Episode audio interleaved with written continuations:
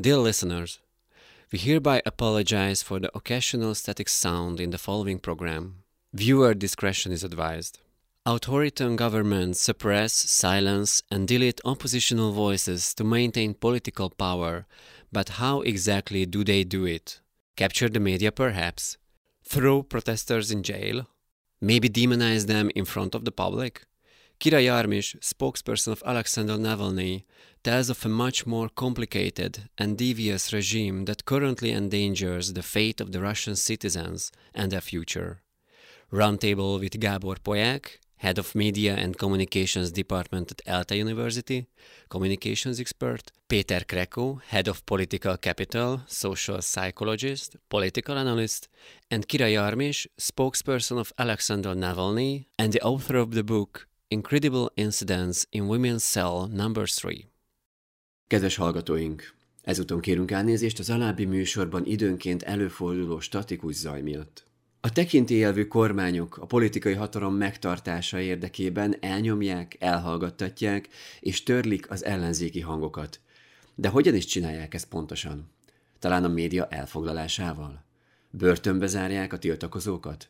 Esetleg démonizálják őket a nyilvánosság előtt? Az orosz ellenzéki aktivista Alexander Navalnyi szóvivője, Kira Jarmis, egy sokkal bonyolultabb és fondorlatosabb rendszerről mesél, amely jelenleg nem csak a civileket, hanem végső soron az orosz állampolgárok sorsát és jövőjét is veszélyezteti. A következő kerekasztal beszélgetésben Poják Gábor, az ELTE BTK média és kommunikáció tanszékének vezetője, Krekó Péter, a Political Capital vezetője, és Kira Jármis, az Árka című könyv szerzője, beszélgetnek az orosz jelenről. A beszélgetés nyelve angol. And the reason why you are here is uh, the publishing your book uh, in Hungarian.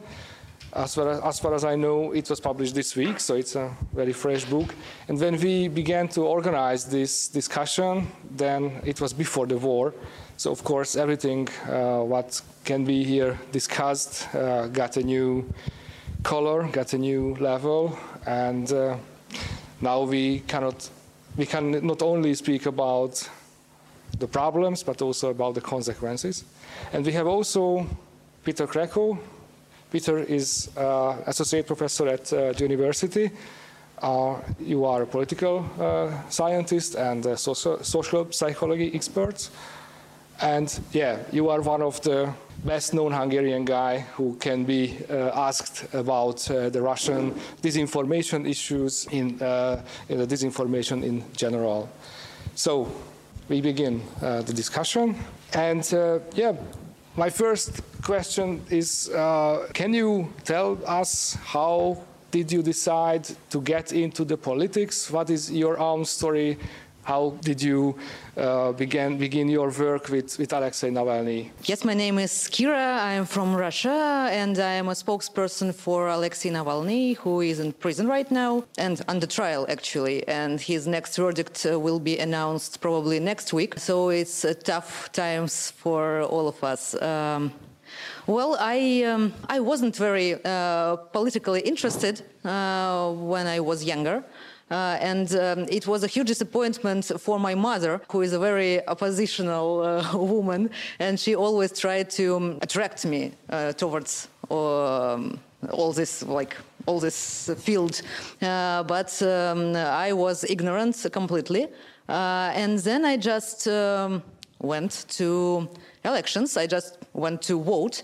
Uh, and of course, I uh, voted against Putin and against his uh, ruling party. It is called United Russia. And um, after this, I suddenly realized that my vote was stolen.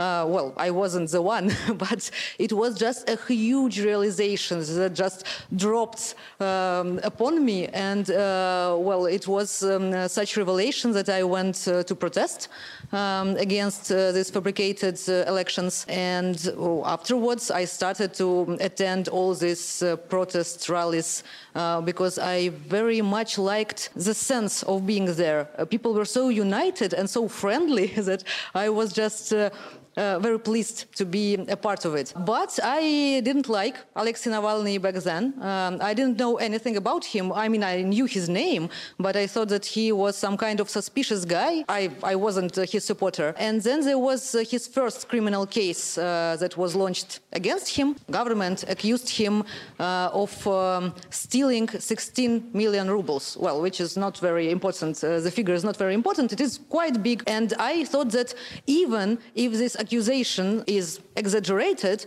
there must be something. So, I mean, he can't be innocent because, well, government can't accuse just random guy for stealing money. But I started to read about this case, and uh, finally I realized that when you steal something, uh, you will need to stash in that somewhere. I mean, uh, you will need to buy a car, or I don't know, a flat, a house. You will, I mean, you will find traces of this money.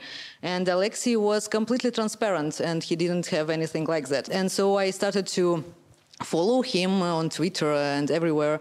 And when he was, um, when there was a verdict and he was uh, sentenced to five years in prison, I went to protest and he was released the next day. Uh, I'm completely sure that this was, uh, the reason was uh, that there was a huge, massive protest uh, against this um, verdict. So he was released. Um, uh, I became a volunteer. I didn't meet him. Uh, and then uh, in a year after that, it was 2014, he um, was looking for a spokesperson uh, and I just uh, filed my CV, and he, well, they took me. Uh, but uh, well, but it was um, an interesting part also because uh, that time he was under house arrest because of another criminal case, uh, and uh, during this house arrest he wasn't able to use internet or to meet people um, uh, except his relatives. So I mean, I was enrolled to his organization, but for several months next I didn't see my boss.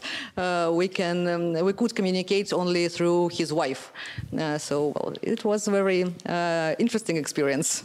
The last uh, news about you in Hungarian, you can find some, uh, is that there was also a decision against you and, and you were judged to, to house arrest. Uh, is your presence here now legal? Can you go back to Russia? Uh, well, yes, uh, it was um, a circle because.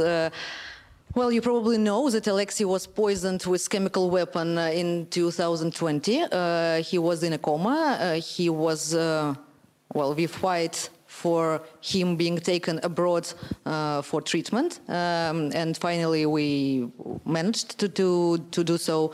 Mm, he recovered, and in five months um, after he stayed in Germany, uh, after this recovery, he decided to go back. Important thing is he didn't decide it after five months. He decided it at once when he just opened his eyes after coma. It, it wasn't a matter of discussion. Uh, he knew from the very beginning that he will go back because, well, Russia is his country, it is my country, um, we belong there. So it was impossible to stay um, abroad. Uh, so he went uh, back there and I went with him. Um, he was arrested on the border uh, that very day. And I was completely sure that um, I am safe because, well, who is interested in spokespersons? Why Russian authorities will uh, try to persecute me? But in four days, uh, I was arrested as well for um, calling for rallies, for protests um, against um, Alexei imprisonment. Uh, and I was accused of violation of COVID rules. And so, um, uh, yes, I was, uh, it wasn't my sentence. It was some kind of a pre-trial measure to put me under house arrest. So I couldn't like run away. Uh, I spent under house arrest seven months. Uh, this trial was going um, this time, uh, during this time. And then there was a verdict uh, and after this verdict, I was released from house arrest. But the verdict, of course, I will. I, of course, I was found guilty because it's Russia and there is no independent courts there. But um, uh, they didn't put me in prison. They put me, well, uh, some kind of restricted freedom or limited freedom. Uh, it means I can't um, leave Moscow and I can't leave my house uh, during the night. But uh, this decision can't be put in action immediately. Uh, there is time for me to complain, to, go to another court and to complain. Until this final verdict, I was relevantly free. Uh, so this was the time when I left Russia. Um, and now, of course, my verdict is um, uh, enforced. Uh, and so I can't go back because, uh, well, uh, now they will accuse me of violation of this punishment, of this verdict. and so now they will imprison me. So, well, here I am. you said that, of course, the Russian courts are not uh, free or not independent. Uh, we will come back to this. How is it possible? How can a society get to this point that it will be so natural that uh, nothing is independent. But before that, uh, Peter, let me ask you, uh, can you give us a bit, bit background about this situation uh, with the Russian opposition? What is the role of Navalny? What is the role of the opposition in Russia? So thanks a lot, uh, first of all, for for inviting me to this discussion. It's a great honor to be the same panel with, with you guys and, and Kira. And um, so I have to draw the limits of my expertise here in the sense that I'm not a genuine Russia expert. I'm a Russian disinformation expert more, and I, I do more studies on what uh, what are the Russian techniques to influence European politics and, and the information space than than uh, the events in uh, Russia itself. What I I would uh, approach uh, the question from a different perspective and also uh, come back uh, uh, with a question to, to Kira as well. I, I, think the interesting thing about Alexei Navalny, as far as I understand reading the Russian news as well and, and reading about this issue, is that, uh, yeah, as you said as well, he you perceived him as a kind of a person with with who, who, who did something right? with, with a bit of suspicion and what what I read is that is that Navalny himself is first of all yeah rather unpopular in Russia on the one hand on the other hand there is also this strategy from the authorities of silence that that he he is more well known practically in the West probably than in in Russia in the sense that that he is the only person right now that is that the West sees in Russia as as uh, head of the uh, of the opposition. I, I, do think that, of course, it's talking about opposition politics in Russia is is. Uh, it's a very short story anymore because of course the we can see the opposition parties so-called opposition parties in the in the duma as well who are all in favor of the war, who were all uh, supportive towards, uh, for example, the immunity of Vladimir Putin um, from from any any future mean, legal responsibility. So we, there are the puppet opposition parties in the parliament. That would be my first question with, with some evaluation on that uh, communists, uh, yeah, as, and, and of course,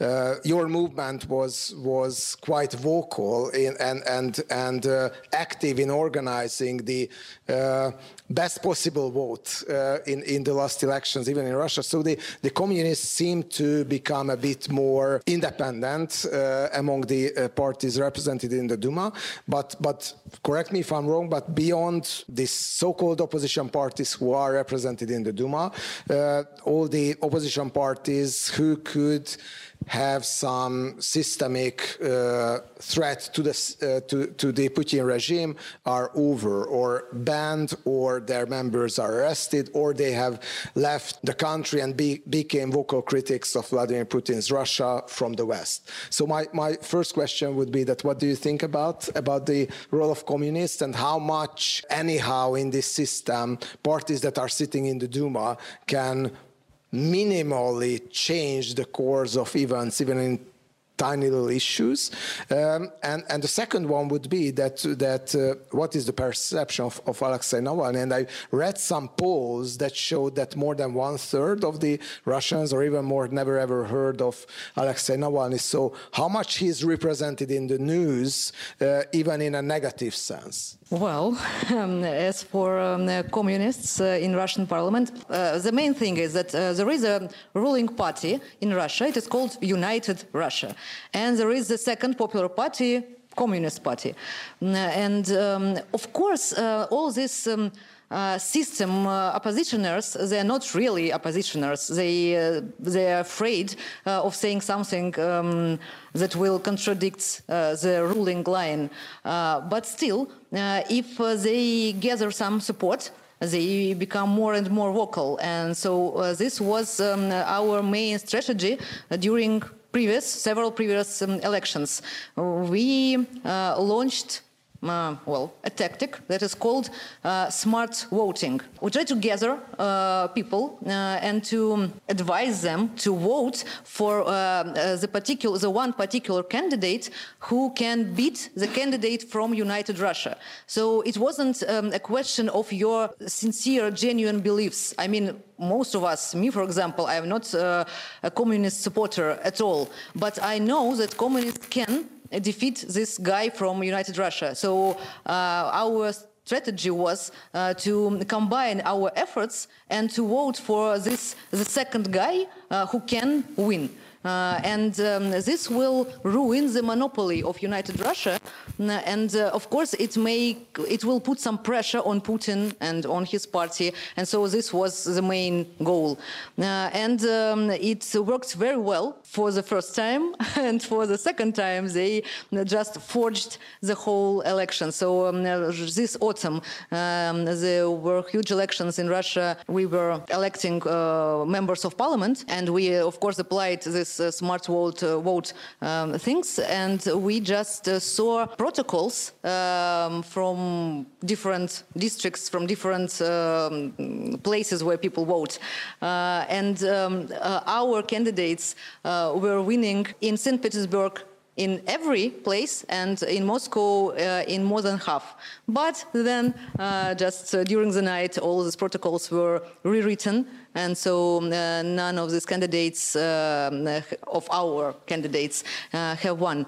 So this is a problem. I mean, now um, a Communist Party can be something if they feel that if there were more of them. And we try to create, as I told you, to ruin the monopoly of United Russia. We try to create to create a majority of another party, just so there will be some kind of fighting in the parliament. But they are in minority. So of course they um, uh, back all the decisions um, the ruling party tells them to back. Only position uh, that is that is in Russia now uh, is um, well Alexei and his supporters. And as for your second question, uh, he isn't unpopular at all uh, because um, Alexei participated in presidential elections in 2018. During during the whole year, he was traveling all across Russia and um, well speaking to people. There were uh, huge rallies in, uh, well, probably more than 80 cities um, in uh, Russia. Every time when he was on stage and he was saying something, of course, there were some suspicious people who just came there just to watch him. but in the end, there was always an enormously huge line of people who wanted to make a selfie with him. Uh, because uh, in the end, everyone were shaking hands and saying, "Oh, you told such important and right things. Uh, this is why you are banned from TV because uh, no one uh, from the authority will be able to hear this. Uh, the, um, the, main thing the Russian authority tries to do with Alexei is to shut him up, to keep silence around him. Of course, they try not to talk about him on state TV. He was tried, tried to be killed. Now he is in prison. And uh, I told you before that there is a trial going on. Uh, but an important thing um, is that uh, this trial, probably, how do you uh, imagine court? It is probably like a courtroom with a judge like a normal building. But um, in Alexei case right now, uh, the court is taking place in prison, inside prison. So court from Moscow is just going every day to his prison, to his penal colony, and uh, there is some, some kind of a room. Um, and I mean, all the judges, secretaries, uh, all other guys, um, they're just traveling uh, uh, 100 kilometers every day uh, back and forth just to make hearings inside the prison because the prison is a place where you just can't um, enter from the street. Uh, so there is no uh, listeners, there, there is no, there are no journalists, there is like nothing. So this is the way um, uh, Russian government try to deal uh, with Alexei, just to make him uh, be uh, unheard. and so this is my job to, um, for him to be heard as much as I can. Uh, well, this is why I left uh, Russia because uh, actually now I am much more connected to it than I was under house arrest because I was banned from using internet, phone, from uh, seeing anyone except my lawyer, uh, and uh, I just didn't.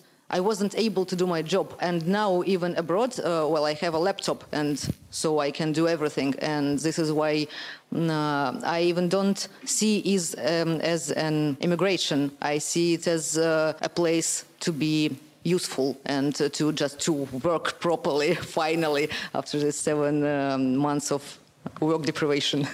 Yeah, let, let's speak about the nature of the censorship, the nature of the propaganda in Russia, and and after that, so how can you cope it? How can you somehow reach people with your your message and Navalny's message? Peter, can you give us a broader picture about uh, the nature of the, the Russian propaganda and censorship?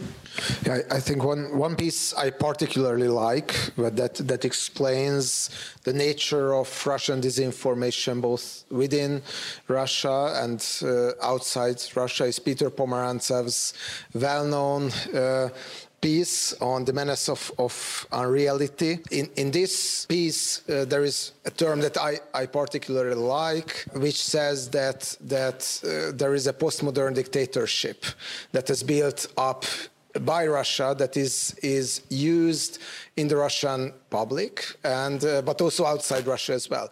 And postmodern in the sense that it's it's of course I mean that's not really postmodern in a philosophical sense, but postmodern in the sense that uh, it uh, uses many narratives, even contradicting narratives at the same time so that you're lost in the jungle of information and you just don't find a way out. And finally, you're uh, so confused there as, as uh, Weston Pomerantsev writes that finally you feel that nothing is true and everything is possible. And I, I, think it's a it's a good description of how what is the nature of modern disinformation on the on the one hand. Of course, it lives with with censorship as well. So you uh, you don't want to present people like Alexei Navalny in the most popular media and the state-controlled media, so that people are not seeing the alternatives. But on the other hand, you pretty well acknowledge that in the modern information age, you cannot just deprive people of information. You have to flood people and overflood people with, with the information. And finally, if you feel some kind of fatigue, information alert helplessness, this is a social psychological term for this, this, this state of mind when you feel that you are just overblown by information. You you don't understand what's going on. There are, for example, there were about 12 contradicting narratives and still counting about the MH17 when a plane that was flying the, uh, from Malaysia uh, to to Amsterdam was shot down uh, above the Donbass, and then it was obvious that it was the pro-Russian rebels uh, who were uh, who did that but russian disinformation immediately wanted to deny that and there were 12 contradicting official explanations on what the hell happened. It was the Ukrainians who shut down the plane. It was the Americans who shut down the plane. Uh, the, the plane was, was exploded because someone put a weapon on that who wanted to paint Russia in a negative light? Of course, it's the West, or of course, it's it's Ukraine. The the plane was already full of corpses when when it was landed, and a whole lot of horrible conspiracy theories coming from the official level. And of course, Russian decision makers doesn't have this very short-term memory that they don't remember what they said two weeks ago or three weeks ago. But if there is no independent media to point at the uh, contradictions, then you can just live by this this postmodern logic of, of, of uh, dictatorship. So I think it's, it's classical censorship on the one hand and, and uh, of information uh, and of false information on the other. And, and this obsession with conspiracy theories, I think, is very important as well. My favorite book in this topic is uh, Ilya Yablokov's Fortress Russia, uh, that, that tells a lot about how conspiracy theories have been elevated to the official level, in Russian political discourse. If somebody reads it in Hungary, can feel a certain level of familiarity because uh, I, I think we can observe some similar tendencies, but he also writes a lot about how conspiracy theories generally has been a very important part of, of uh, Russian political culture and also their, their relationship to Orthodox Christianity and, and so on and so on. So I, this would be the main points I, I would raise. And, and right now, but, but uh, Kira can tell much more about that. The remnants of the of the uh, independent media, Echo Moskvy, for example, the the uh, one of the last bastions of, of independent uh, radios has been eliminated as well. And let's imagine what how free a discourse can be in a country where if you just say the word war, you can put in prison for 15 years. So it it it uh, it tells quite a lot, but. I would be curious about what Kira can tell us about the latest developments. I'm not sure that you can imagine this, but I mean, now in Russia there is no independent media at all. I mean, no, nothing. Each of them um, are, uh, well, they are blocked or uh, they're just, uh, I mean, their websites are blocked, or the, um, the journalists had to leave uh, Russia because uh, they're facing well future criminal charges. Um, yes, and there is um, uh, there is this thing. Uh, Putin and his well his officials uh, keep uh, saying that they didn't invade Ukraine, and uh, that what is going on there is a special operation. So they prohibit to call this thing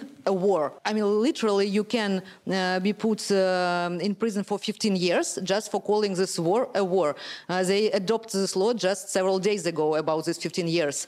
Uh, so they try to react very fast. So no independent media and um, uh, a huge, huge punishment for calling war a war. Um, and and um, uh, yes, I totally agree with this um, uh, with the statement about uh, flood of different, um, well, different information, different versions of it. Uh, because I even tweeted about that today. uh, it was well, we have um, a guy who is like a representative of Ministry of Defense. Every day he shows up on the TV and uh, tells what is happening in Ukraine, uh, and from from Russian point of view. Uh, so today, he literally, on camera, he told that uh, Russian military forces uh, discovered a special biological laboratory in Ukraine where they were inventing coronavirus trying to um, kill, uh, uh, well, that, this special virus was, uh, well, coronavirus and, and some other viruses, and they were targeting uh, especially Slavic people. So Ukrainians were trying to kill uh, Russian people. I mean, he, he, he is he's like a real official. He is like well in, in, a uniform. He's on camera. I mean, on, on our first channel, the main state channel, and he is saying this, and he isn't laughing at all. Uh, and this is this was only last version, and before that there was NATO uh, that. Um, was planning to make their bases in Ukraine. Uh, there was like uh, Putin from, from screens. He tells about neo-Nazis in Ukraine and uh, the fact that we need to free um, Ukrainians from themselves. And then before there was an idea that uh, there is um, Russian genocide going on and we, have, we need to uh, save Russian people from Ukraine. So, I mean, they really just uh, building up all this stupid um, versions and even even such as coronavirus laboratories. Um, just because um, if you well, they can't they can't tell the truth. The only thing they can't say is the truth. So they're just uh, creating new and new, more absurd ideas um, to vague everyone's mind, so that no one will understand what is really going on, and just well say well i don't want to be a part of it. I don't want to get involved and to understand what is going on. Well i will don't i just don't live uh, don't don't watch tv um, and anymore. I don't read the, the news. Uh, the same was with um, alexei poisoning uh, because well uh, um, german doctors they found traces of novichok. Um, it is a chemical weapon uh, or forbidden one of course um, in his blood. And afterwards uh, russian authorities started to say that maybe uh, Germans were the ones who poisoned him uh, when he was uh, flying uh, to Germany on the plane, but he was in coma already, so well. Never mind. CIA, CIA. Or CIA, yes. Uh, or maybe he poisoned himself just to uh, to drag attention towards him. Uh, or maybe he just um, drank uh, too much vodka uh, the day before. Uh, or maybe he had some problems with his stomach, and this is well, this is why he just collapsed um, on a plane and now is in a coma. So I mean, they literally say all the things from from from TV, uh, and uh, this is their way of uh, manipulating uh, with the, the whole narrative, just to uh, throw all these absurd versions, uh, so that no one will be able to find the way between them. Yeah, okay. And, and how can you break out from this jungle of information or narratives, what Peter uh, mentioned? Uh, and and how, how can be successful? What is the success for you? Uh, how many people can you, can, can you reach? With what, with what messages? So how, how can you deal with this uh, situation? And also a, connected question: Through what channels Yeah. you can you can reach uh, Russian citizens? Uh, well, um, except for this independent media uh, in Russia, uh, during the past week they um, blocked uh, Twitter and Facebook in Russia, so you just can't access them anymore, uh, except if you have VPN. Uh, but um, YouTube is still functioning. There is no limited access to it, Mm, and so um, we launched uh, our own media. Well, we had many, several channels, uh, YouTube channels before. Uh, there is our main channel, it is called Navalny, um, and um, we launch our investigations there. Uh, there are more, more than uh, 6 million subscribers uh, to it. But um, we had this great idea of, launch, of launching our own media on YouTube, uh, and we planned, it was scheduled on the beginning of March.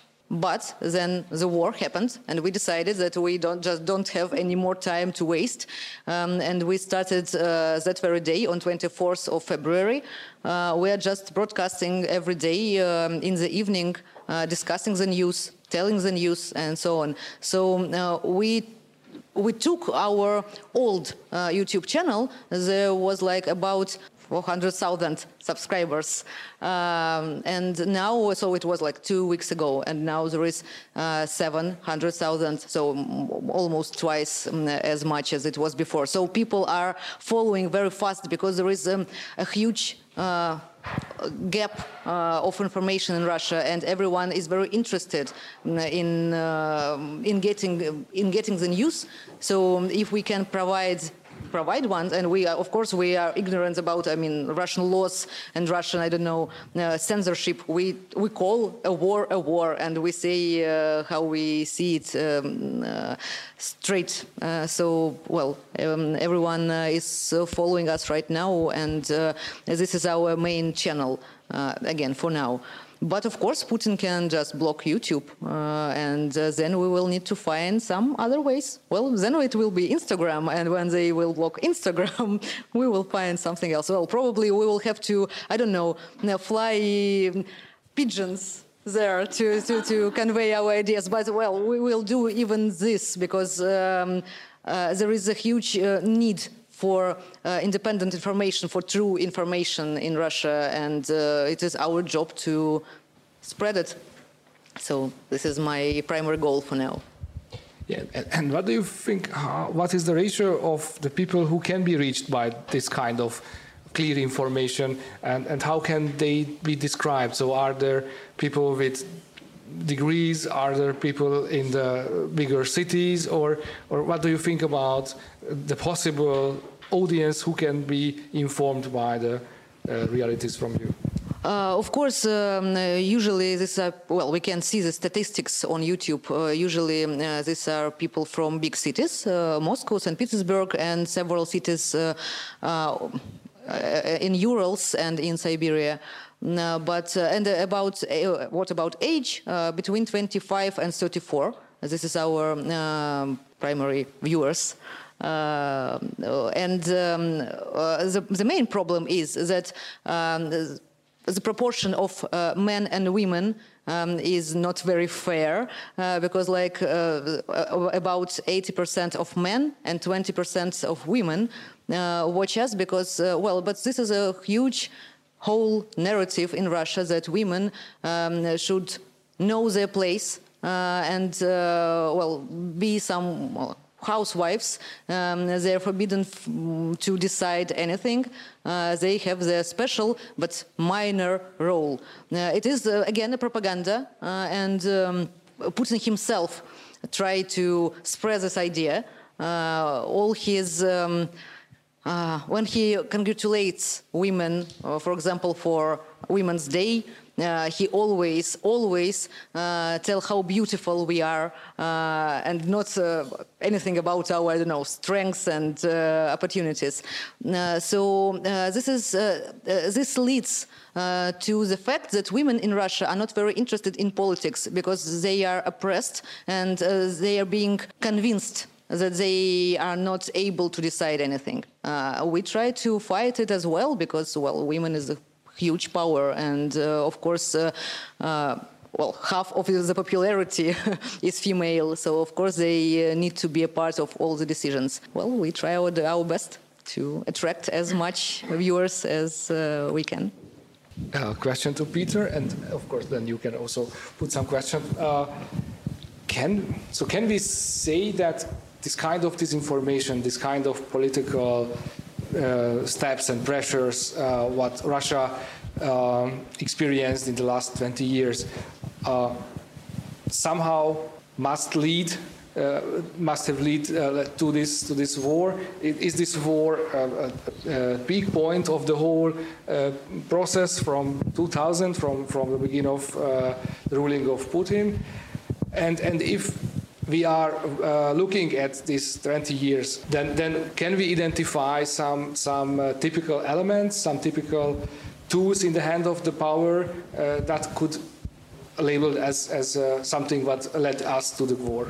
I think that what, uh, what was a very important breaking point in Putin's uh, relationship to the media uh, when after the Kursk submarine catastrophe in the early years of his presidency, so the uh, early uh, 21st century, he could see that he can be painted by the media as an incompetent leader and as someone, uh, and it can be highly destructive for his reputation. And uh, it was the moment, uh, according to many, when he decided to have a stronger takeover on the media.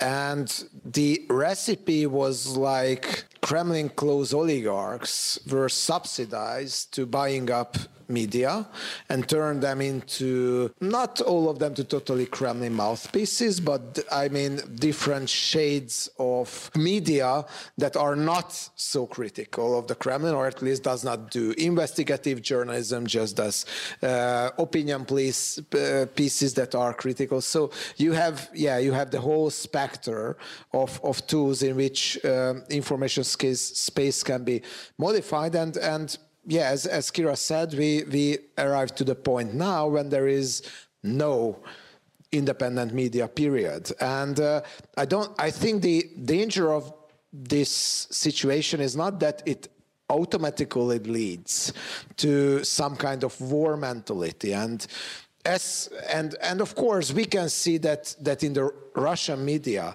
the brainwashing of the population was enormous in the last few months and practically Ukrainians were depicted as as uh, this Nazi junta that is just doing a genocide in in the Donbass which there is no proof whatsoever by European Council by uh, uh, sorry, by Council of Europe, by by uh, UN, uh, by OSCE, no one, um, and and there was this whole flood of, of, false narrative, but also a quite strong anti-Ukrainian sentiment in general as well. So it's like this narrative that comes through the Western media is that yeah, Ukrainians are our brothers, but they are just misled by the, the Nazi junta in Kiev. It, it sometimes it was more. Uh, classical war propaganda that aiming to dehumanize uh, the population of, of a country that you just want to overrun. So my friends who were just looking at Russian media all the time said very early on that the risk of war is huge because this is the war, how to say, the war uh, uh, mentality and the war mode of operation of the of the media that they know well from the uh, times of the Chechen war and, and so on. Uh, so of course it happened and, it, and, and, the media proved to be a massive tool. Of course, we don't know how much people agree in Russia with the war. If you just try to look up the polls, there are none, because as a pollster, you can't ask that what is your opinion on the war. Yeah, what do you think about the current developments in, in, in, in Ukraine or the special operation or whatever? But we know uh, from the uh, any pollster and anyone who have ever done polls know that every word matters in the sentence. So if you just ask current developments in the in Ukraine, the responses will not be the same. And who would ask honestly to a pollster if you can be jailed for 15 years just telling the the uh, the word uh, with the beginning of a W, W. So it's like no one. So we don't know how much the Russian society is supportive towards the war.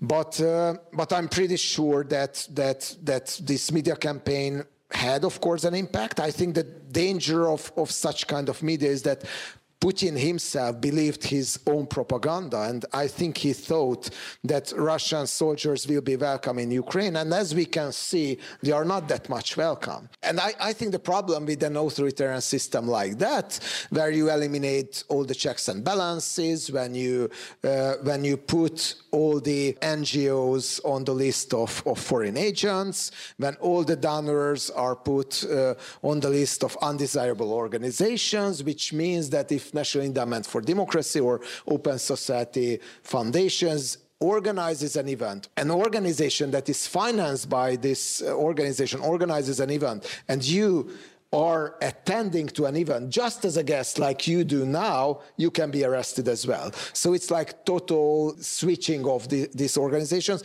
So, and, and a whole lot of other things like that. And finally, you, the man, the leader of the regime, uh, your will just will decide the fate of 200 million people right now if we put together only the population of Russia and Ukraine. And this is, I think, the real danger. So I, I, I, still think that, that from a geopolitical and economical perspective, this war makes no sense at all. It's like Sergei Lavrov right now admitted after the Russian propaganda push that no, sanctions doesn't matter, sanctions doesn't matter. He just told today that they are destroying the Russian economy. With these measures, Russia is brought back to the Stone Age with, with destroying the financial system, with, with, uh, with no Western technology can be allowed in the country, and the list goes on.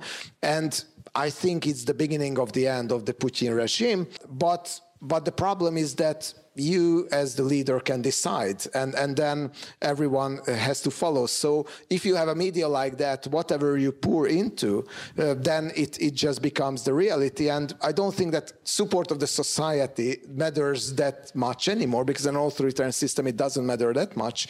But still, I think this modus operandi of the media and, and this kind of total propagandistic uh, approach without independence, it, it can be deadly dangerous because if the lead, leader decides so, then the whole country has to go into the war. With, I think, uh, many people in Russia was also quite misled about the real intentions here. So when the soldiers themselves tell who, who become war prisoners that they didn't have a clue where they are going for. It's just a bit of drill, a training, and then they will go back in a month and they find themselves in a situation where they have to kill Ukrainian civilians. So I not I don't think that it's it's a very uh, how to say pleasant situation for the people of Russia as well. And here would come my question to you, Kira. That of course the real victims of this whole uh, horror of war are the Ukrainian people, but I, I assume that, that it doesn't feel that good to be Russian as well in, in, in many Western countries these days, and how the expat community, for example, that you are in, in, in, in contact with feel these days, and how what is the perception that we that you feel in Vilnius and elsewhere? I, because there are increasing anti-Russian sentiments as well that are, of course, sometimes targeting the people who are totally innocent in this whole uh, madness. Uh, well, uh, first of all, uh, sorry for uh, I was looking at my phone uh, for a special reason. Um, I was trying to find the pictures of our poll that my organization did because, uh, well, we did um, a poll about uh, Russians and their attitude towards the war. Uh, of course, we uh, we need to do it fast, so we couldn't use our usual methods. Uh, we didn't use phone, we didn't call. Uh, it is um, an internet poll and among people who live in Moscow. So, of course, we can't say that the whole Russia uh, thinks the same way. But still, uh, we uh, tried, we asked uh, the same questions uh, four times, four days, uh, since 25th of February until 3rd of March. Now, so we were um, measuring the dynamics, and the first question was, uh, how would you assess the role of Russia in the ongoing conflict in Ukraine? Uh, there were different options. Uh, the first one was aggressor, uh, and uh, during 25th of February, there were 29 people uh, who told that they think that Russia is an aggressor, and 31 told that Russia is liberator. And on 3rd of March, 53% uh, told that Russia was an aggressor, and only 28 told that Russia was liberator. Uh, so uh, the next question was. Um, which party do you find guilty in the ongoing conflict? Uh, in the beginning, 14% Russia. In the end, 36% Russia. Uh, and well, final question was uh, conflicting parties should immediately cease all mil military operations and engage in peace talks. In the beginning, 68% uh, were in favor of this, and uh, now 80%. Uh, well, not now, on 3rd of March. And I'm sure that the, the dynamics is still going on. Mm, as I told, it is not the whole Russia, it is Moscow and internet users, um, but still it can shows us some dynamic.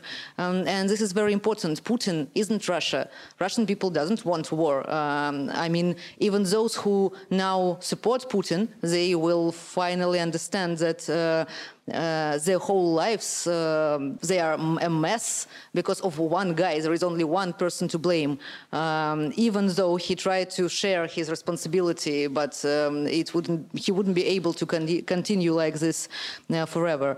Uh, I can't say that I feel um, that people abroad uh, are turning their backs towards Russians or towards me.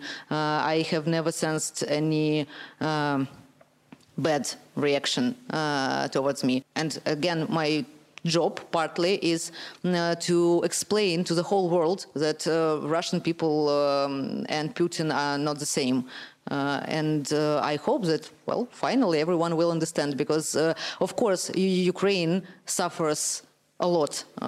it is just impossible to imagine.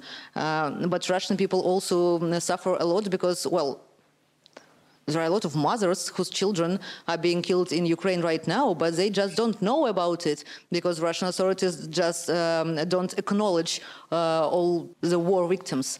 Uh, and, um, well, for example, like uh, this guy who told about uh, biological uh, laboratories.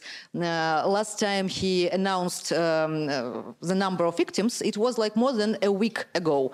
And he told that there was 498 uh, soldiers, Russian soldiers that were killed. But, well, probably there are several times more of them killed.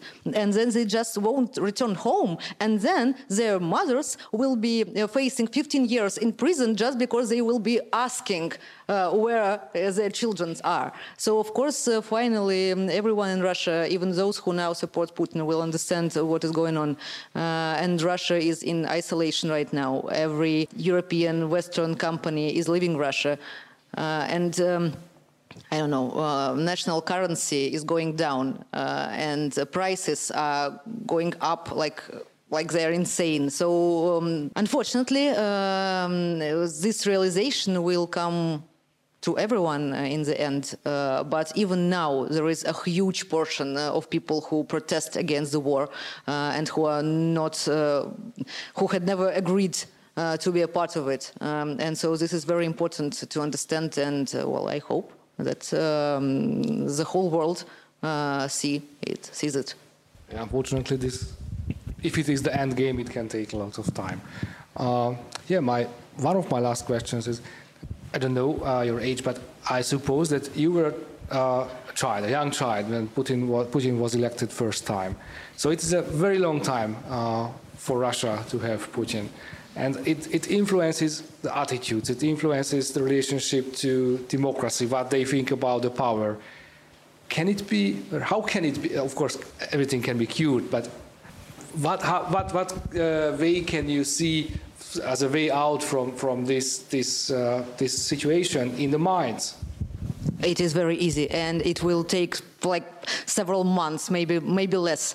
Uh, the only problem with authoritarian regimes is that there is no choice. When you have just one guy. Uh, on top of everything, you start to uh, believe that he is the only one and he is the best option you can get, just because you don't have any other options.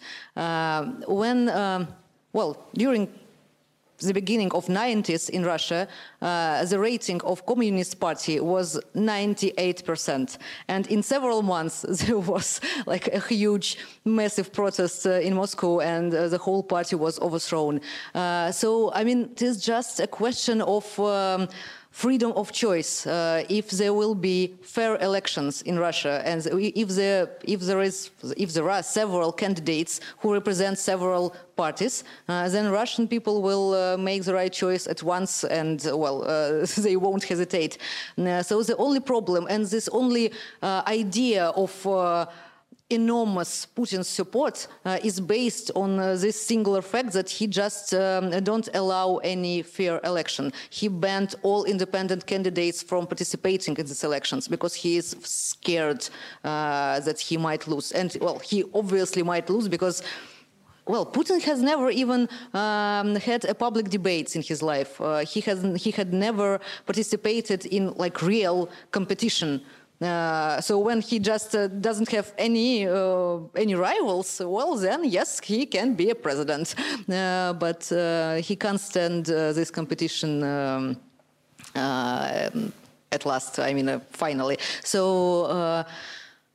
So there is uh, nothing special we need to do with Russians to, I don't know, to uh, repair their mindset. Just give them a choice, and you will see that they will definitely choose uh, the best option yeah, it sounds good, and I hope that your optimism is grounded.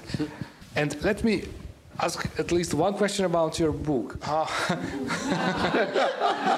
Yeah, because I know that there will be also uh, a next event for you about the book. So the aim of this discussion was not only to speak about the book, but let speak also about uh, uh, the book. So it is it is a prison story, uh, and as far as I know, there is some personal experience behind it. What was it, and how was how was it taken in Russia? Your book. What was the reaction of the public?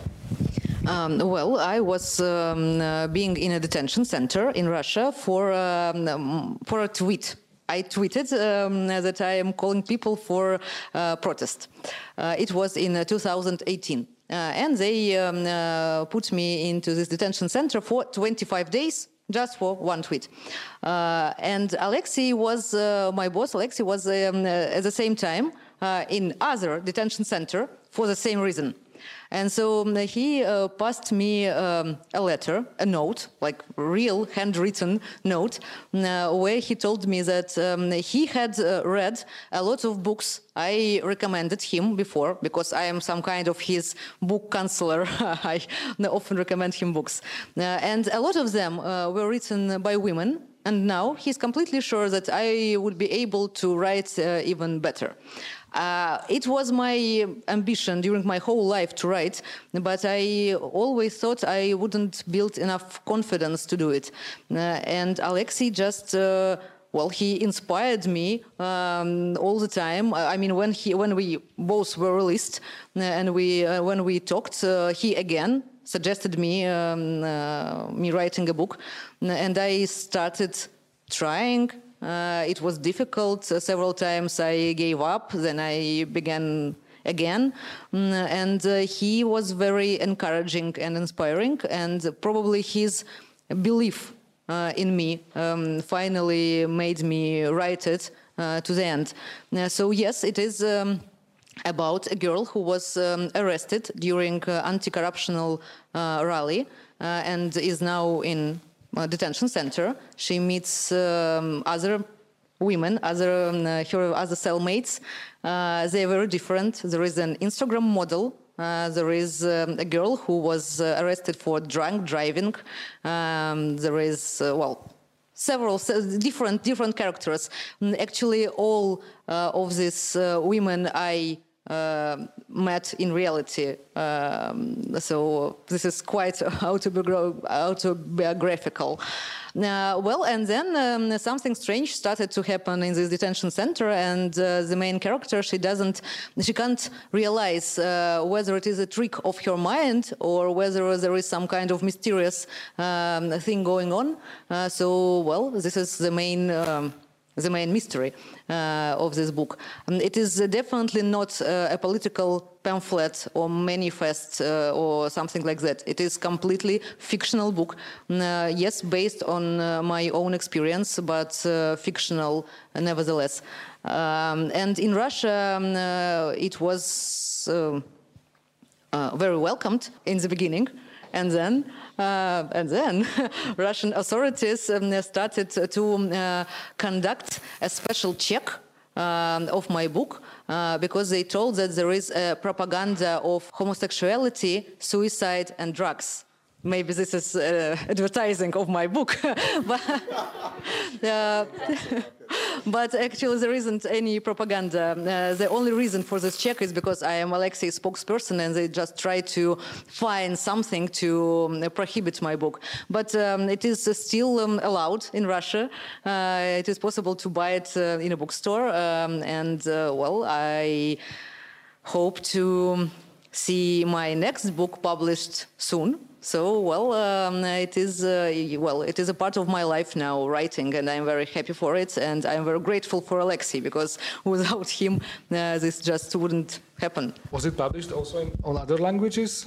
Uh, yes, it is already published in, in Germany. Uh, in the end of March, uh, there will be um, Norwegian um, published, and uh, well, there are several, ten more languages in which it will be translated. Now, the audience has also the opportunity to ask whenever you want to. about how, how much are they afraid of Alexei? Well, Putin has never even called him by name. Uh, I, am completely sure that um, Putin. Uh, Putin is insane. I mean, he has a very, uh, very strange uh, state of mind, uh, probably because he, um, uh, well, he is self-isolated for more than two years. He was afraid of uh, COVID and he's afraid of betrayal, uh, so he just um, sitting in some kind of bombshell and shelter. And sometimes he just, well, appear on state TV and then go back to some secret places. Um, so he just doesn't have any access to real information. He's an old guy. He doesn't have a cell phone. Uh, he can't use internet. He just he does, doesn't know what it is.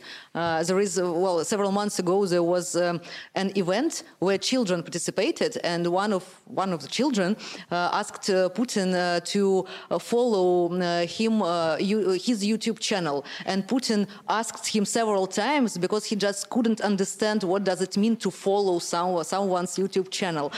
Uh, so I mean, he doesn't have um, any um, real information. Only uh, the only thing he has uh, uh some reports, military reports probably now, uh, and they are fabricated. So he lives in his own world, uh, and. Um, his mindset is very, very mysterious.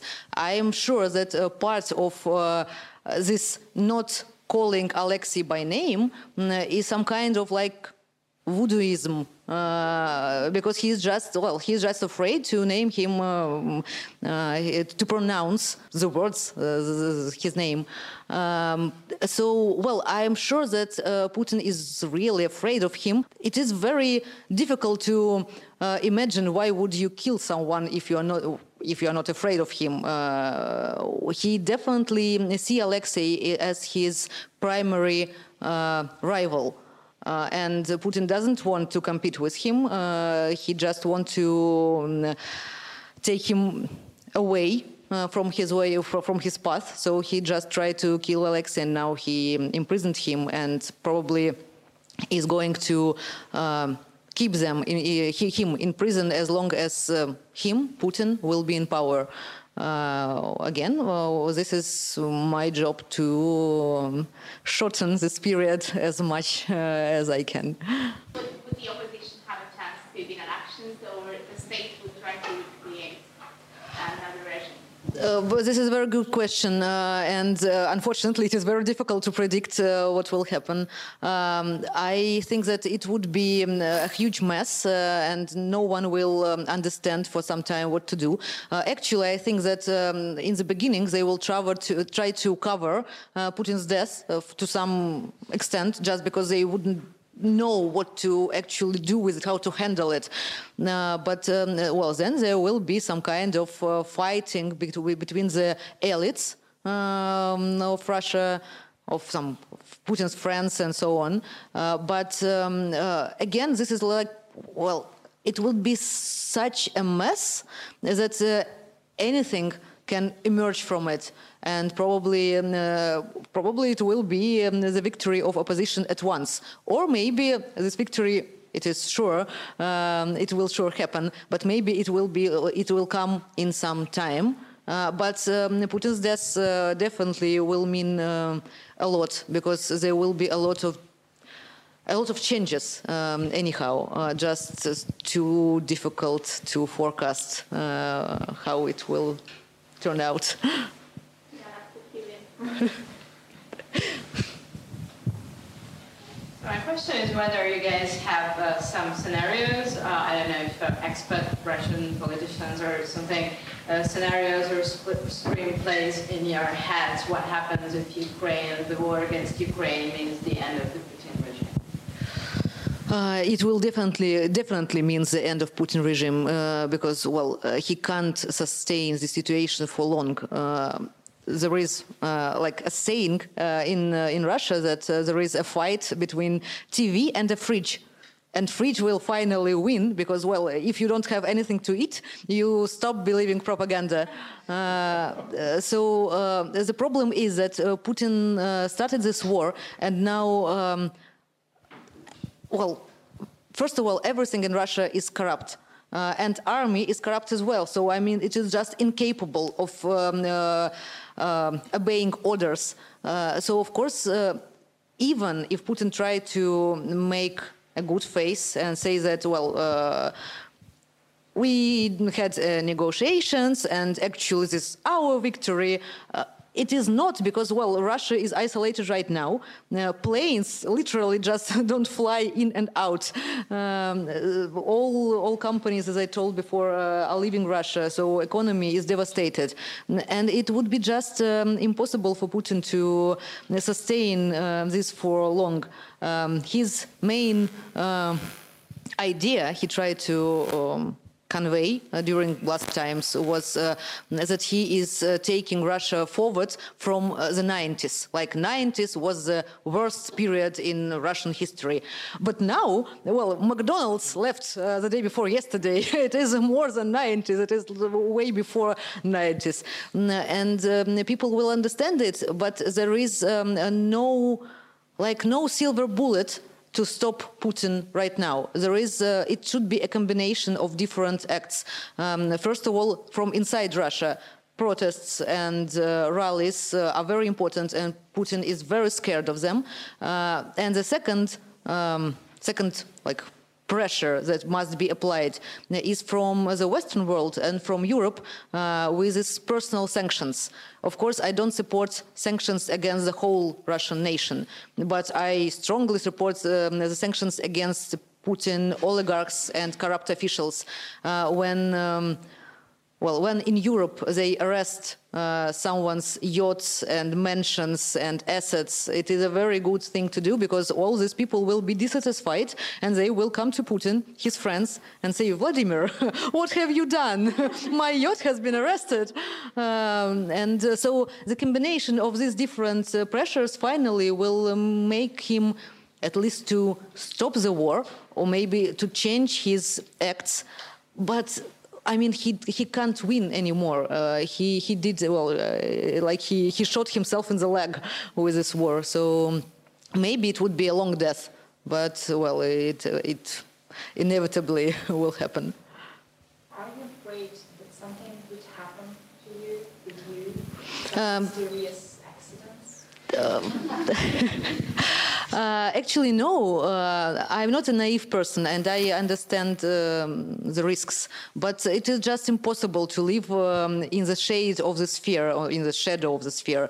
Uh, I mean, I just decided that I I will ignore it, and that's it. So I just live uh, my ordinary life. And if something happened to me, well, it is much better not to think about it all the time, and uh, because it wouldn't be um, a proper life then.